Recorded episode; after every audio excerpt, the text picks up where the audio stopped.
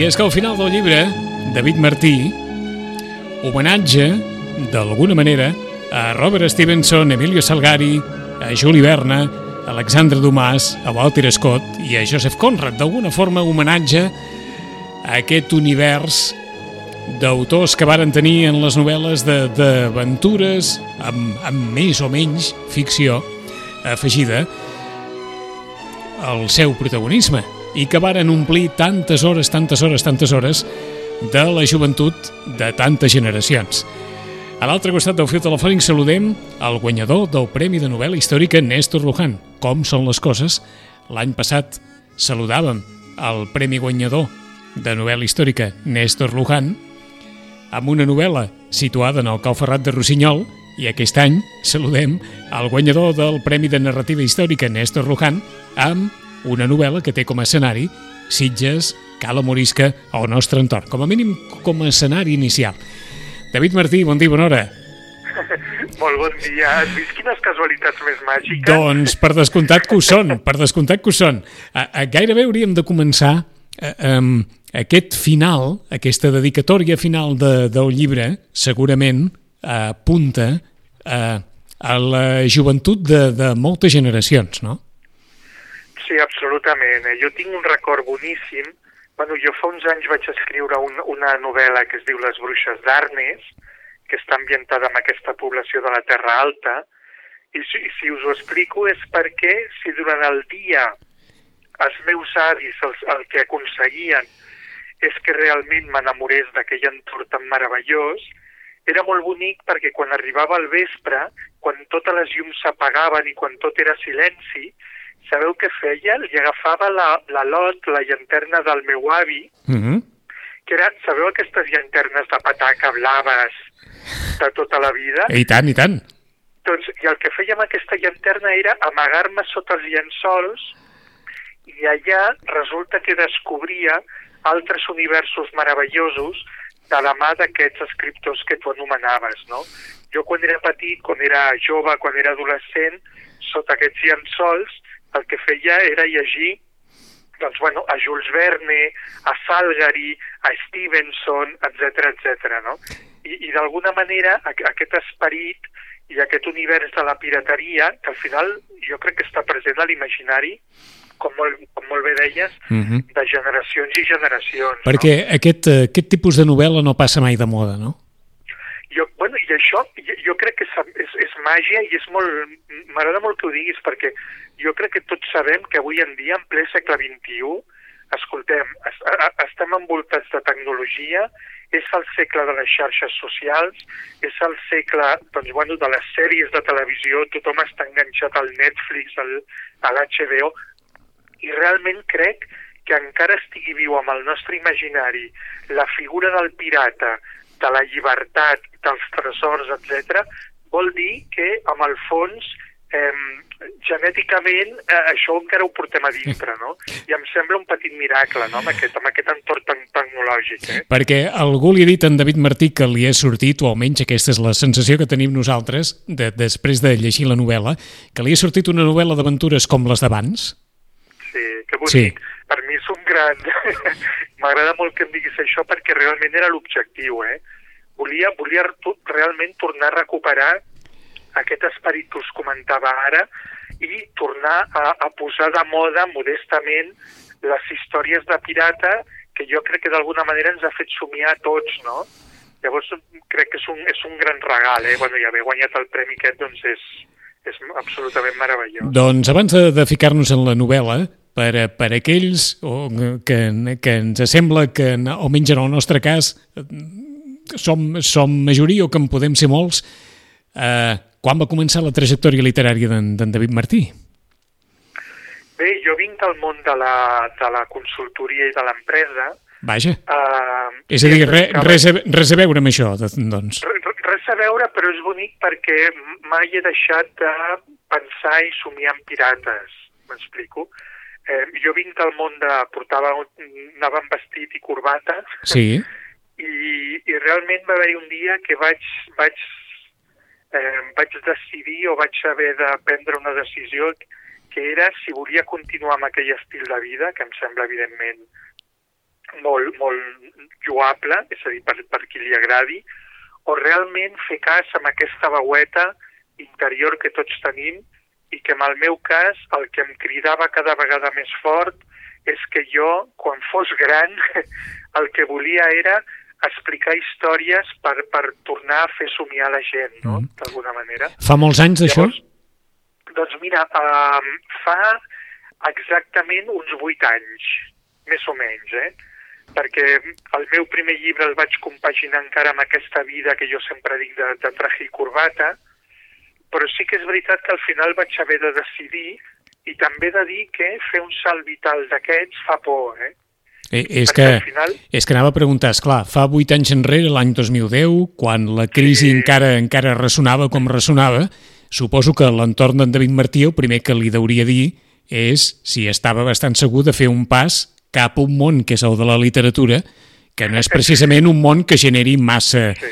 en fi, que, que, no, que no generi massa dividends, per dir-ho d'alguna sí, forma, no? És una reflexió superinteressant, eh? Sabeu que el món de la cultura en aquest país, jo, mira, tinc la fortuna també des de fa sis temporades dirigir i presentar el Club Dante, que és el programa de llibres de Ràdio 4. Sí. I, i, i això ho dic perquè conec un, una mica el sector, no? Jo crec que a Catalunya tenim una força cultural absolutament meravellosa. Som un país supercreatiu, amb carregada de gent amb moltíssim talent, però sí que és veritat que això no sempre va acompanyat de, de ventes, m'explico? Mm i, i, però no només a Catalunya o a Espanya, sinó gairebé a tot el món, eh, escriptors que puguin viure exclusivament dels seus llibres és, és una rara avis eh, molt, molt extraordinària, no? Per què? Doncs, bueno, perquè és obvi que aquí estem vivint un, un canvi de model d'oci molt potent, no? Eh, només cal que agafeu el metro o agafeu l'autobús i compteu quanta gent està amb la mirada clavada al mòbil, no? És a dir, som una generació que en lloc de, de dedicar-nos a, a navegar pels mars de la llibertat, tal com feien els pirates o el pirata de Calamorisca, el que fem és viure el món i veure el món a través d'una pantalla, no? Recordeu que es va posar de moda caçar Pokémons a través del mòbil? Oh, i tant. És a dir, ho, recordeu, no? Mm -hmm. Per mhm. mi va ser un, un, un exemple brutal realment d'aquest canvi de paradigma que estem vivint, no? Viure el món a través d'una pantalla, o els famosos selfies, no? És a dir, eh, vivim en aquesta societat amb la que ens encanta d'alguna manera doncs, aparentar. No? Aleshores, a partir d'aquest eh, context en el qual hi podríem afegir moltes altres circumstàncies, sí. um, aquest uh, salt, no sé si el buit o com a mínim la vocació, la il·lusió, deixant el trajo i la corbata, fa vuit anys enrere, uh, s'ha demostrat vuit anys després que era un salt en alguns moments massa, massa agosarat o en David Martí ha hagut de cercar eh, algun coixí per continuar mantenint la seva il·lusió i la seva vocació literària sabent positivament que, que això dona el que dona, però que també s'ha de viure? Absolutament, hi ha una part logística que és important, és important anar cada dia al súper a comprar. Tinc aquesta mania també. Ho dic perquè sí que és veritat, bueno, però això us ho trobareu, eh? moltíssima gent de la que ens dediquem a la literatura, el que fem és escriure, òbviament, perquè això és una cosa que es fa per vocació, si no, no es fa, però també és cert que ho compaginem amb moltíssimes altres activitats, no? Hi ha gent que aquestes activitats estan més o menys relacionades amb la literatura, jo puc dir amb, amb molt d'orgull i, molt, i molt agraïment que, que visc de, de, de la literatura, però no només dels llibres, eh? perquè ja sabeu que està com està, uh mhm. -huh. però, escolteu, entre la ràdio, les classes, etc etc, però sempre al voltant d'aquest univers dels llibres, la qual cosa a mi, eh, evidentment, em fa molt, molt feliç. D'acord. Una qüestió molt, molt òbvia. El vincle de David Martí amb, amb Sitges, amb aquest eh, escenari en el qual comença i acaba la novel·la, quan, quan arriba? És una qüestió d'amor. L'amor, veritat que no saps quan t'arriba, però quan, quan t'arriba no tens cap mena de dubte de que estàs enamorat. Doncs en el meu cas va passar exactament el mateix, no? Jo sóc una d'aquestes persones que durant molt de temps, sempre que ha pogut, s'ha escapat a Sitges. Perquè viu, viu bastant lluny de Sitges, en David Martí. Sí, vi, visc, ara, bueno, visc entre Barcelona, la Terra Ah. Alta, que és on tinc els meus lligams i tot D'acord. això, però, però, però bueno, diguem que, que sí que és veritat que, que passo molt de temps, sobretot per les Terres de l'Ebre. Ahà. Per tant, Llavors- d'escapada en escapada, Sí, però sabeu què, què m'encanta fer? Eh, i, I és eh, venir aquí a Sitges, sempre que puc, m'agafo uns dies, vinc sol, i el que faig és, és a dir, el que intento dir és que molts dels meus llibres els he parit aquí a Sitges. I el que passa és que al final vaig pensar, escolta'm, si Sitges t'agrada molt, si Sitges t'inspira tant, el que seria molt bonic és escriure una novel·la que realment estigui ja relacionada directament amb, el, amb aquest poble tan fantàstic que Mhm. teniu, no? eh, com es busca d'alguna forma amb tants, no, pel, pel Sitgetans, evidentment, hi ha tants referents on agafar-se, si un vol fer una novel·la sobre Sitges, però especialment quin va cridar l'atenció que la morisca així d'entrada per, per, per iniciar el recorregut d'aquesta novel·la?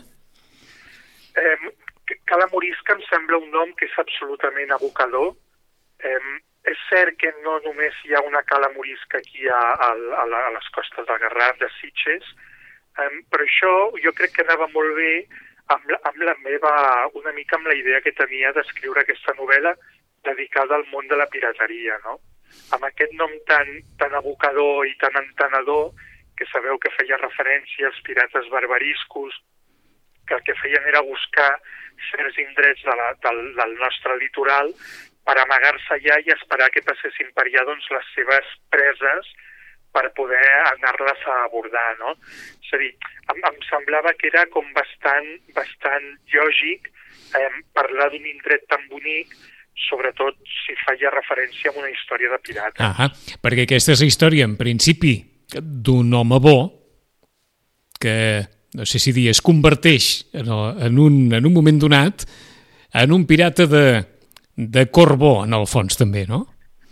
Sí, que bonic, però això jo crec que la vida ens, a, a tots, eh, en general, ens té guardades, ens té reservades moltes sorpreses, no?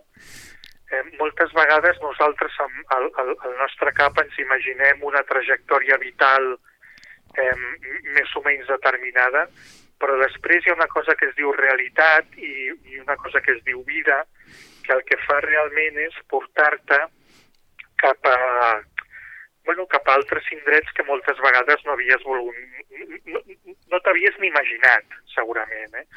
Amb el cas del protagonista de la història, que, com molt bé dius, és un noi jove, diria 17 anys, Sí. um, és un pescador d'aquí de Sitges que té un vincle molt especial amb Calamorisca, però clar, eh, una mica aqu aquesta vida, aquesta, aquesta sorpresa, el que fa és agafar-lo, eh, li fa un bany de realitat, diria jo, i l'acaba convertint en una altra persona que estic d'acord amb tu, no? Jo crec que encara conserva els seus ideals, però en un entorn absolutament diferent amb el que, diguem, la violència doncs eh, és el pa de cada dia. Diguem-ne que és gairebé un, un pirata perquè cerca la, la llibertat pròpia, no? És un pirata perquè cerca la llibertat pròpia. Ell és un gran enamorat del mar i és una persona que al final, doncs, bueno, el que fa és, quan es veu davant d'aquestes circumstàncies que us explicava ara, ell decideix jugar i juga amb, a, a, a consciència, no? I, bueno, i fruit de tot això el que fa, com, com molta gent també li passa, no? S'acaba desempallegant de tots aquests lligams que sobretot acostumen a ser lligams mentals, no? que ens tenen sempre com enganxats amb, amb històries del passat, no? Jo crec que el protagonista, tot i aquesta transformació vital que a ell li toca eh, viure, eh, el que fa és es transforma, canvia, però no deixa de ser ell mateix, no? En una novel·la d'aventures hi ha d'haver allò, un bo molt bo, un dolent molt dolent, una mica d'acció, una mica d'amor...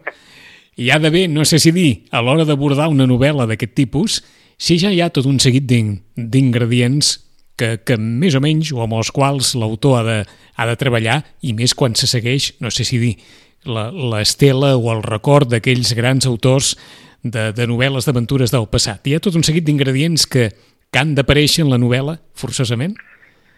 bé, jo, jo crec que això al final cada llibre, eh, o sigui, cada escriptor té el seu pare i la seva mare, amb, amb això el que vull dir és que cada escriptor té la seva manera d'abordar una, una història, no? Jo des del minut zero vaig tenir claríssim que el que volia era fer una novel·la de divertimento, volia fer una novel·la d'aventures, volia recuperar tot, tot aquest esperit dels pirates. Home, llavors sí que és cert que si estem escrivint o si, o si el que vull és eh, transmetre una història basada en, aquests, en, en aquest univers, hi ha uns ingredients que no poden faltar, no? Eh, jo una mica torno al començament, m'he alimentat de Stevenson, de Salgari, eh, jo crec que tots hem llegit el, el Comte de Montecristo, el Sandokan, la Illa del Tresor... Llavors, clar, si afegim un ingredient que sigui un mapa del tresor, si agafem un ingredient que sigui l'amor, que al final l'amor com a motor de tot el que ens envolta, mm -hmm. no? Mhm. Para lo bueno i para lo malo. Sí, sí, allò, eh? allò de l'amor que sempre guanya al final, no? Sí, bueno, però, però al, al, al final, jo, bueno, tampoc m'agradaria... No, no, no, no, no, no, no, està clar, està clar. Eh, però diguem-ne que, però, que en aquest sentit és una força molt poderosa al llarg de la novel·la, també. Sí, però jo crec que és a la novel·la i a la vida, eh? Tots uh -huh. ens movem per amor i per desamor, eh? Em sembla a mi, em sembla a mi, eh? Llavors sí que és veritat que et, et dono la raó, no? Si agafem unes gotes d'amor, unes gotes d'amistat, unes gotes de llibertat, unes gotes de venjança també, un, map, un mapa del tresor, un vaixell pirata, eh, sí que eh, és, és una mica com, com un cuiner, no?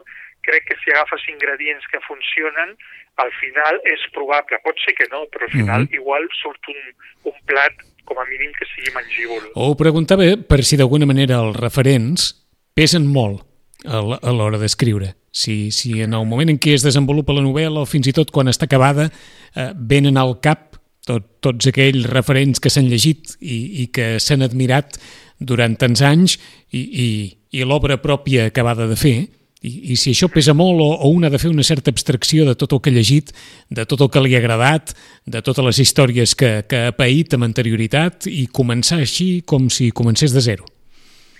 És, és molt interessant. Mira, jo, per exemple, us, et contesto d'una altra manera. Eh, quan em documento per escriure un llibre, eh, reconec que és un dels processos que a mi personalment més m'encanta. Soc molt rata de biblioteca, ho dic en bon sentit, soc molt de uh, investigar, documentar-me, però també és veritat que un cop tens tota la informació al teu cap, el que has de fer és un exercici, jo crec, brutal de destil·lació. I, per exemple, de tots els llibres que he llegit sobre, sobre jo que sé, la, la signatura del, de, del decret de lliure comerç amb Amèrica, mm. invento, eh, tot això, igual al llibre, s'acaba condensant amb una frase entre dos personatges. M'explico? Sí. Llavors, sí que és veritat que eh, tots aquests antecedents eh, pesen, però jo insisteixo, el que he volgut en un moment donat, un cop ho havia llegit tot, un cop m'havia documentat, vaig voler fer aquest exercici de dir, escolta'm, ara la responsabilitat és meva, intentar construir una història amb la que la gent s'ho passi bé, no? La protagonista d'aquesta història acaba, gairebé diríem que, que si es descuida, acaba sacrificant la seva vida pels altres, no? però això és un, això és molt cristià, eh? No, mm -hmm. no mhm. creieu aquesta, però dic, aquesta la, idea la, del sacrifici. Gairebé ens surt mm, una heroïna més femenina que masculina en aquesta història, si ens descuidem. Sí, sí, perquè jo, bueno, al final és com, és molt present a la meva, als meus llibres, no? A mi m'agrada molt escriure sobre dones, eh, no sé per què, eh? No sé per què. La meva àvia genèticament m'hauria dit que això és perquè sóc mig bruixot, però, però sí que és veritat que jo crec que aquest univers de la, de la dona forta, valenta i decidida està molt present a la meva literatura, no? En aquest cas, la, la coprotagonista, diguem, de la història eh, és una dona que en un moment donat de la mateixa manera que fa ell, no? que fa la Mat Vidal, el nostre protagonista, uh -huh. tam també ha de decidir entre el que li agradaria i el que ha de ser, no? M'explico? I al final, mm, diguem-ne que la balança eh, eh, resulta difícil d'equilibrar, eh? perquè en alguns moments ha, ha d'assumir allò que no hagués volgut pas fer. Absolutament, per això ens passa una mica tot sí, sí. mateix, no? això ens passa a tots a la vida. Eh? Però que acaba fent, de... diguem-ne, perquè hi ha circumstàncies superiors que, que l'obliguen a fer-ho, no? Sí, sí, no sé, si tots penséssim en una vida ideal, és probable que no fem no Absolutament res. fent ara, no? Per cert, que la, que la protagonista inevitablement es diu Vinyet. Sí, és un, és un guinyo, eh? Que ja, no, està clar que per, per raons òbvies eh, eh, eh, es diu Vinyet, la, la Vinyet que té, un, que té un pare que se l'estima molt, però que té un pare, eh, diguem-ne, amb una visió de la vida suposo que també molt vinculada a la de l'època, el pare que vol el millor pretendent per la seva filla, i el millor pretendent no és precisament un, un pescador pobret que, que no es guanya la vida, sinó que necessita alguna cosa amb, amb més possibles, i al final i al final la té, però no pas, diguem-ne, perquè sigui aquest el seu destí, no? I així sí, sí. comença... Sí, bueno, a, a, a, aquest pare ho, ho has explicat molt bé, no? que vol el millor per la seva filla, però clar, eh, a ella ningú li ha preguntat, no? Realment què és el que vol. I el, el, el, Bonaventura és un, seny, és un home, escolta'm, que s'ho ha hagut de treballar molt des, de, des del no-res, no? Des de zero, um, i que a poc a poc van a construint un imperi um, que ha arribat un moment concret de, bueno, de, de, de la seva història vital, el que vol, el que es planteja és fer un salt ja definitiu eh, em refereixo a nivell, a nivell de, de negoci, no?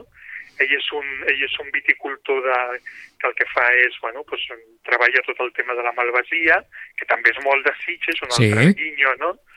És a dir, fixa't com al final he volgut agafar aquests elements que jo crec que fan molt singular un territori en concret, amb aquest cas Sitges, per amanir-ho d'alguna manera, en aquest cas en forma de història de pirates, um, però parlar de, de, de coses que avui en dia fins i tot tots podem identificar, no? Mm. Llavors és, és bonic perquè ara mateix, bueno, jo us ho puc adelantar, estic preparant una mena de ruta literària inspirada en la novel·la que evidentment tindrà, tindrà com a protagonistes els principals escenaris de la història aquí a Sitges, no?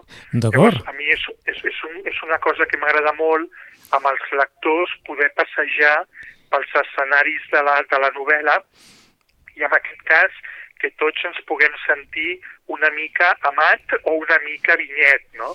Penso que és molt bonic, aquest, oh. aquest joc, eh? O, aquest o, joc amb el lector ho trobo meravellós. O sigui que d'alguna manera els sitgetans tindran l'oportunitat de fer un recorregut literari a partir del Pirata de Cala Morisca?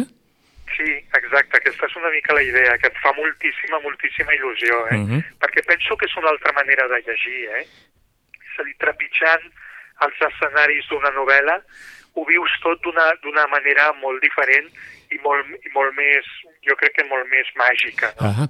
Ah, el, el capità pirata, o almenys Jean-François Lefebvre, que és el, el capità pirata d'aquesta novel·la, eh, poc té a veure amb aquell capità pirata d'alguna manera dèspota que tracta la tripulació de la pitjor manera possible, sinó que és precisament una persona una persona admirada o una persona que acaba sent referencial per, per la seva tripulació, com ho acabarà sent també en el protagonista de la novel·la, l'Amat. Eh, aquesta visió d'un capità pirata eh, apreciat, valorat, estava també molt... Eh, és molt present a la novel·la, no? Sí, perquè jo crec que hi representa una mica la figura del mestre, no? Aquest mestre que és referent, que segurament el protagonista no ha tingut mai, per diferents circumstàncies, sí. que també a la novel·la he volgut deixar una mica així obert, perquè, bueno, penso que una miqueta de misteri també està bé. Llavors, en aquest cas, volia representar algú eh, la fama del qual fos molt pitjor que la realitat. M'explico? Perquè això és, el Llavors... que, això és el que descobreix el lector en la mesura que van passant les pàgines del llibre. La, la, bueno, fama, i la, la fama i la realitat no, no coincideixen, d'alguna manera. Sí, i a vegades, eh, a vegades algú aquí pinten que és un, una bèstia, resulta que, que no és tan bèstia, no? Mm. sinó que és més persona que altres. No? Llavors, també he volgut jugar una mica amb, el, amb les aparences, no? O, o amb el que tots tenim a l'imaginari, que en veritat resulta que no és tal com havíem pensat. Llavors jo crec que la figura aquesta del pirata sí que és veritat que recull una mica l'essència de molts pirates doncs, de, bueno, de, de, de la història de la pirateria, sobretot allà al Carib, però també és veritat que de la mateixa manera que van haver-hi males bèsties allà al Carib, també va haver-hi pirates que, escolta'm, que tenien, eren, tenien un punt d'honor i de respecte cap a les seves preses que era absolutament eh, respectable i, i, i molt bonic, vaja. Aquest és un dels protagonistes d'una novel·la que en té molts d'altres perquè acompanyen amb, amb l'Amat, l'acompanyen amb Mamadou, l'acompanya un, com ho diríem això, un, un noi que acaba esdevenint també molt protagonista de la novel·la perquè li recorda precisament el, el germà de la vinyet de la seva estimada que va ser, que va ser assassinat en el, en el seu dia, el noi és aquest, és Filip, que és, que és un, precisament un grumet malferit a qui Amat doncs, li dona tot el, tot el suport. D'alguna forma també aquesta és una novel·la sobre, sobre l'amistat, sobre, eh, sobre la necessitat de, de fer vincles amb, amb persones sobre la solidaritat, no? Sí. Mira, ara que parlem de pirates i de navegació, jo diria que per molt que hi hagi gent que, que ho vulgui, eh, ni tu, ni jo, ni els oients som illes.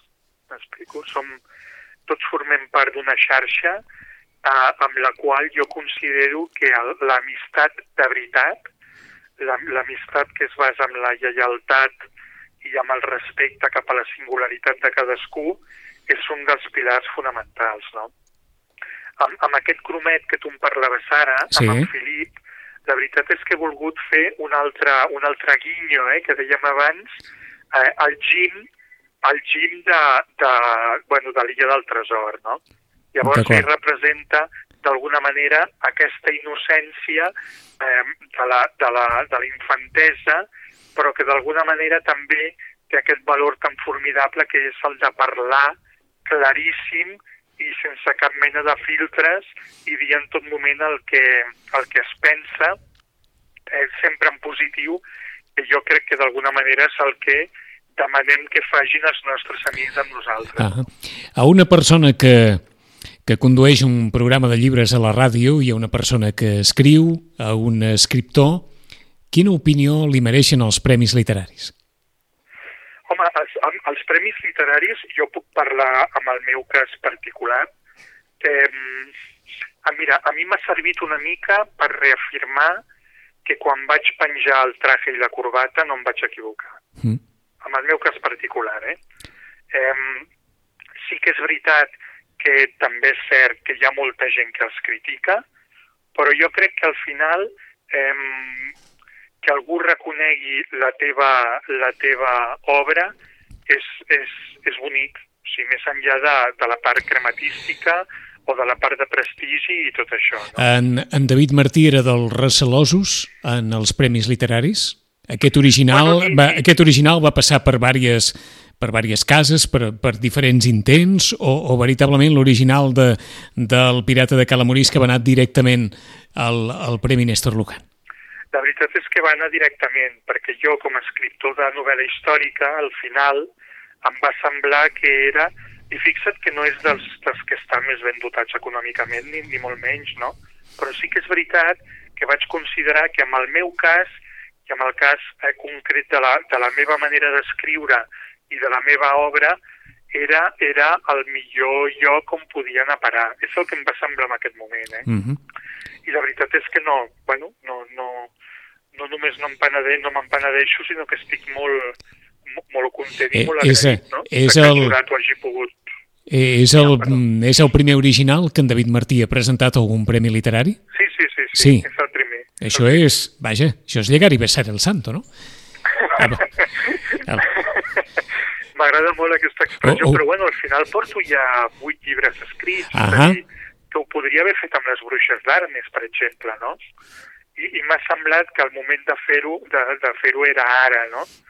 Eh, bueno, no sé, això vol dir també que, que és un que tampoc m'ha interessat gaire, no? Eh, això, això vaja, em venia, em venia al cap. Amb tots aquests anys, un pensa, mira, ho presento aquí, no cal, no cal ni que siguin allò els grans premis que, to, que tots tenim al cap, però segurament hi ha un ventall de premis literaris suficients com perquè en algun moment eh, algú que, que es dedica a l'escriptura pensi, doncs mira, el presento, va, m'atreveixo i ho presento, però ha esperat vuit anys en, en David Martí a, a presentar una obra un premi.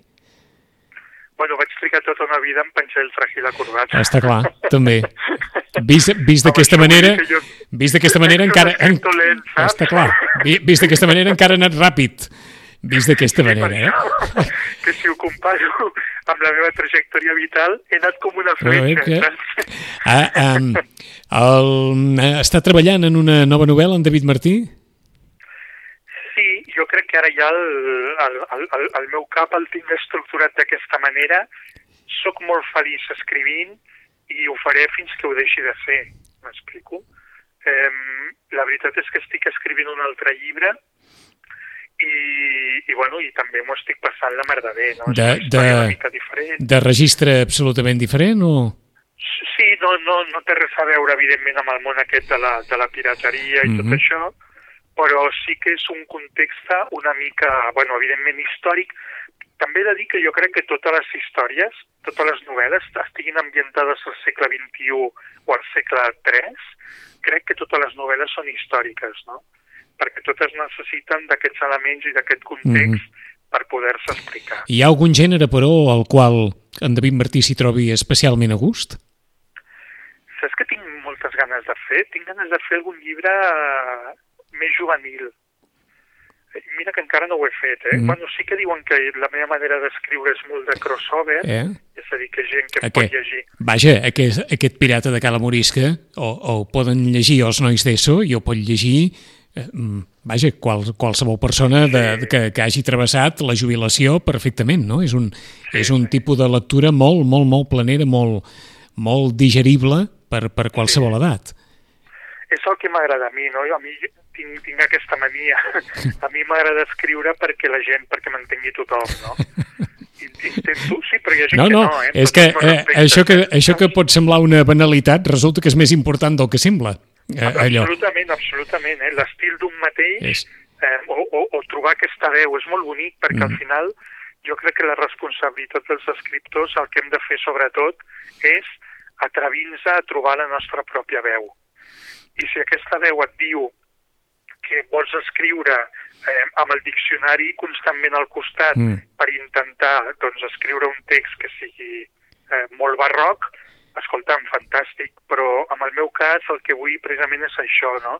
que la gent eh, fi, es fiqui dintre de la història.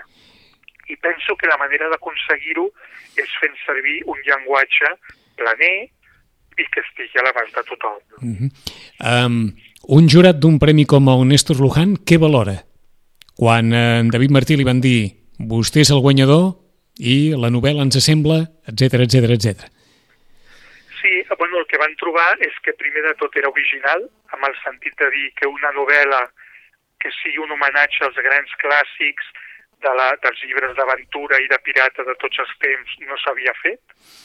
Uh, aquí van trobar certa originalitat també els hi va agradar com estaven construïts els personatges, precisament per això, no? perquè tot i que pugui semblar com molt evident, poder jugar amb personatges que siguin tan diferents, la veritat és que jo crec que al final el que fan és enriquir la, la història, no? Mm -hmm.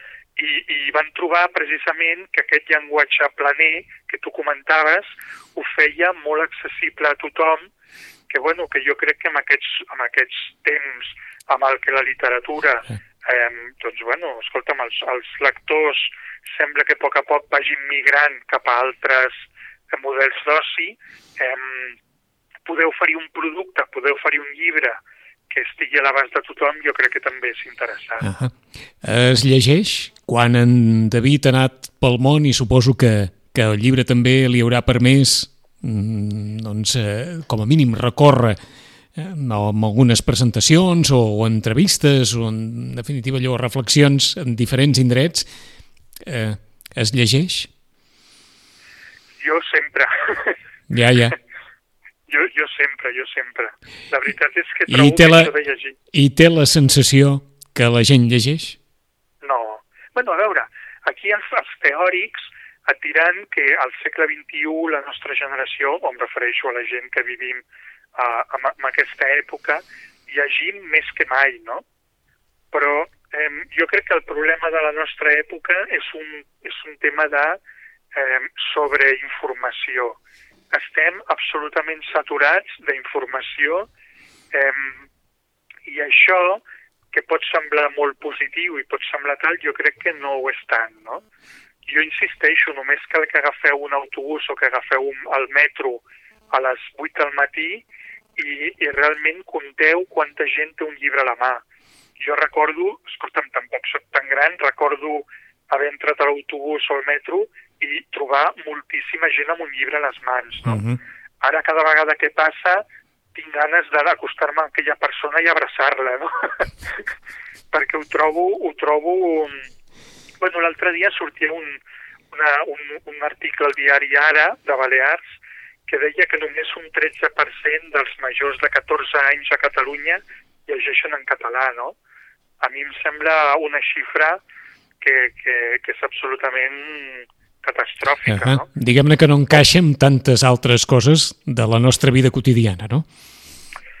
Bueno, és com, és com aquest, vivim amb, un, amb una aparent falsa normalitat, no? Mm. Però dic a molts nivells, eh? A nivell cultural, això, no? Escolta, no ho sé, jo crec que realment la clau és eh, l'educació i la clau és que a les escoles realment es fomenti la lectura, però no, no amb lectures obligatòries que a vegades l'únic que fan és empatxar-te mm -hmm. i fer-te agafar mania als llibres. Acaba precisament amb això moltes vegades, sí. Jo crec que sí, o sigui, al final és contraproduent, no?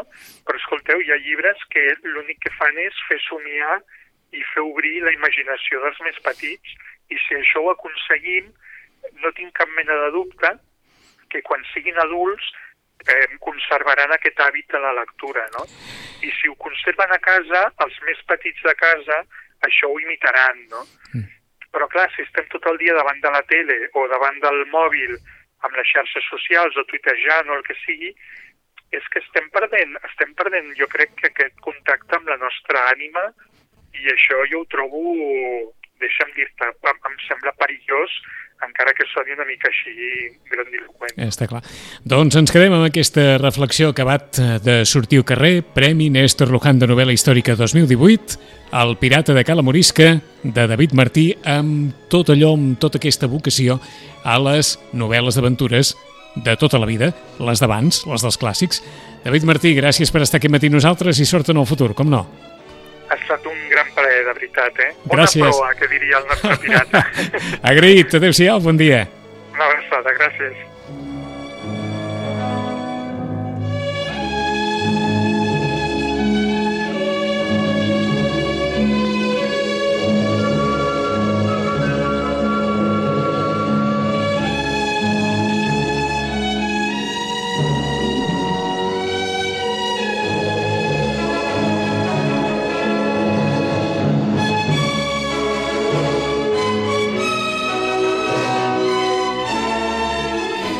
Aprofitem la banda sonora de Rebelión a Bordo. Any 1779, a l'Amat Vidal, un jove pescador de Sitges enamorat del mar, li canvia la vida al descobriment d'un gran secret familiar i l'entrega traïció de la seva estimada Vinyet a Lord Templeton, un noble anglès, per saldar un gran deute familiar.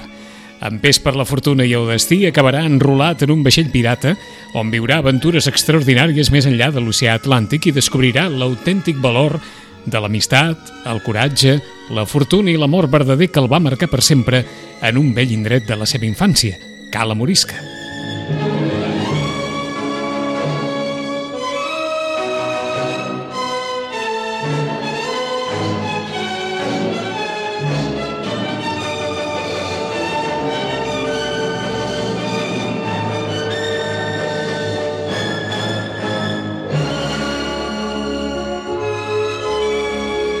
Bé, doncs, si l'any passat estàvem al Cau Ferrat de, de Rossinyol, aquest any estem a Cala Morisca perquè el Premi Néstor Luján de novel·la històrica ha anat a patar a dues històries amb escenari sitgetà, la de l'any passat i la d'aquest any, 11 i 58.